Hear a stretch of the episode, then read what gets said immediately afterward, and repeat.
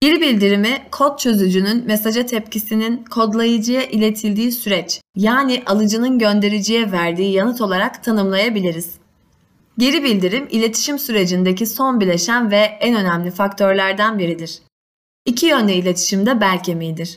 Alıcı tarafından göndericiye uygun geri bildirim verilirse, gönderici iletişim stratejisini değiştirebilir ve yeniden şekillendirebilir.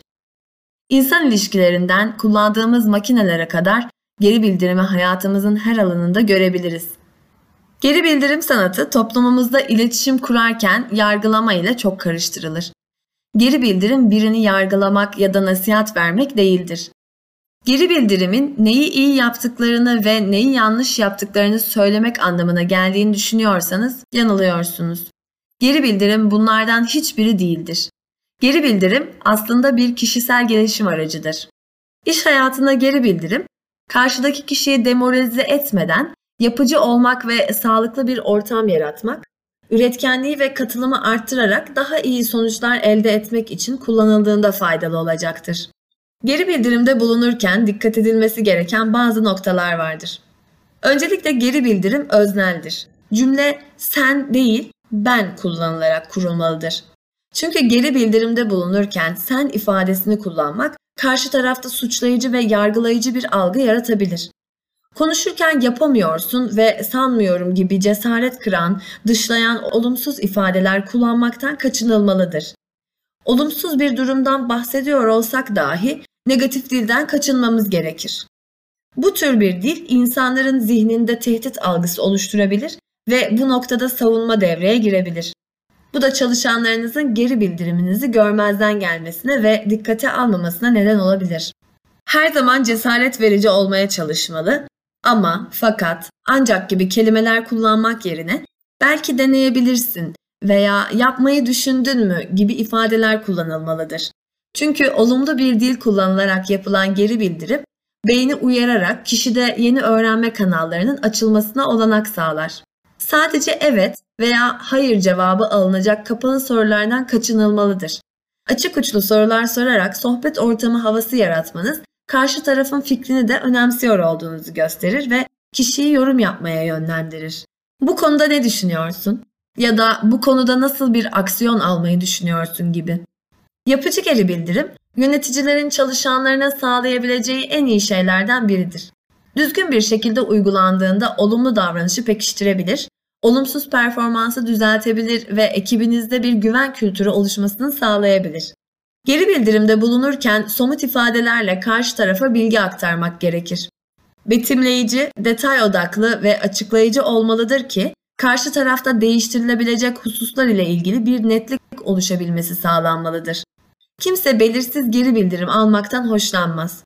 Örneğin bir çalışana beceriksiz olduğunu söylemek ne yapıcı ne de etkilidir. Gözlemlediğiniz davranış veya olayla ilgili bazı örnekler ve veriler hazırlamalı. Bu durumun sizin, ekibinizin ya da işiniz üzerindeki etkilerini net bir şekilde açıklamalısınız. Karşınızdaki kişinin karakterini değiştirmekten ziyade davranışını değiştirmeye odaklanmalısınız. Kişinin olumlu bir özelliğiyle geri bildirimi pekiştirerek vermek, objektif duruş açısından da daha iyi olacaktır. Burada dikkat edilmesi gereken şey, olumlu özelliğinin herhangi bir örnek değil, geri bildirimde bulunacağınız konuyla alakalı olmasıdır. Örneğin bu konuyla alakalı hangi kişisel özelliği öne çıkıyorsa bundan bahsetmeniz konuyla ilgili vurguyu arttıracaktır. Karşımızdaki kişinin gelişim alanına katkı sağlayacağını belirtmek de iyimser tutumunuzu destekleyecektir. Unutmayın, birinin davranışlarını ve bu doğrultuda performansını değiştirebilirsiniz. Ancak karakterini asla. Şirketlerde yapılan periyodik performans görüşmeleri çalışanlar kadar yöneticilerin de gelişim alanlarından biridir.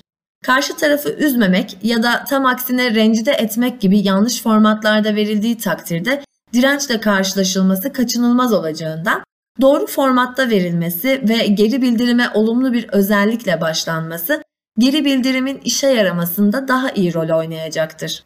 Çalışanlarınızın işleri nasıl farklı ve daha iyi şekilde yapabileceğine dair önerilerde bulunmak, çalışanlarınızın gelişmesine yardımcı olacaktır. Yapıcı geri bildirim insanları her zaman motive eder. Dostça bir yaklaşım, çalışanların neyi yanlış yaptıklarını görmelerine yardımcı olmakla kalmaz, aynı zamanda bunun bir yargı olarak değil, bir tavsiye olarak kendilerine yapacakları bir yatırım olarak kullanmalarına da olanak sağlar ve iyi bir iş çıkarmak için onları da motive eder. Geri bildirim her zaman bir durumu düzeltmek için değil, olumlu durumlarda da motivasyon amaçlı yapılmalıdır. Şirketlerde işler düzgün bir şekilde ilerlediğinde ve olumsuz bir durum olmadığı sürece geri bildirime gerek duyulmaması yapılacak en büyük hatalardan biridir. Yalnızca olumsuz durumlarda yapılan geri bildirim motivasyonu düşürebilir, üretkenliği azaltabilir ve potansiyel olarak çalışanların yeterince takdir edilmediğini veya iş üzerindeki etkilerinden emin olmadıklarını hissetmelerine neden olabilir. Çoğu zaman şirketlerde işler aksamadığı sürece gerekli görülmez. Ancak olumlu geri bildiriminde performansı arttırıcı birçok faydası vardır.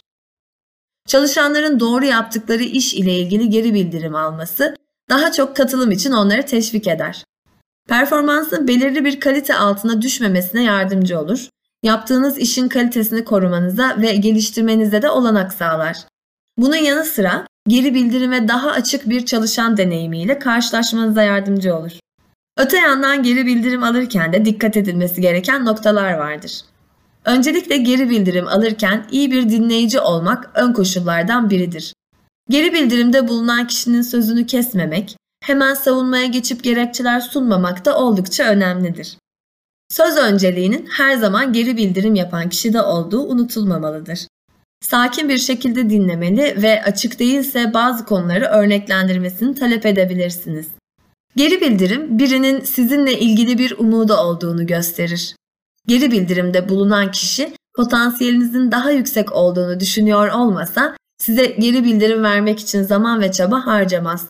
Bu yüzden geri bildirimi kişisel performansınız için bir hediye olarak düşünebilirsiniz. Geri bildirimde bulunan kişinin de ileride size verdiği bu hediyeyi nasıl kullandığınızı görmek hoşuna gidebilir. Teşekkür edip gülümseyerek bu konu üzerine düşüneceğinizi belirtmeniz gerekir. Benzer konularda en az iki kişiden aynı konu ile ilgili geri bildirim aldıysanız gerçekten oturup düşünmelisiniz demektir. Geri bildirimler üzerinde düşünüp kendinizi nasıl geliştireceğinizle ilgili eylem planları oluşturabilir ve kendinizle performansınızı gözlemleyebilirsiniz. Özetle geri bildirim doğru şekilde aktarıldığında ve alındığında yeni bilgileri daha erken benimsemeye ve tekrar eden hatalardan kaçınmaya yardımcı olarak daha verimli ve daha arkadaşça bir çalışma ortamı yaratmaya yardımcı olur.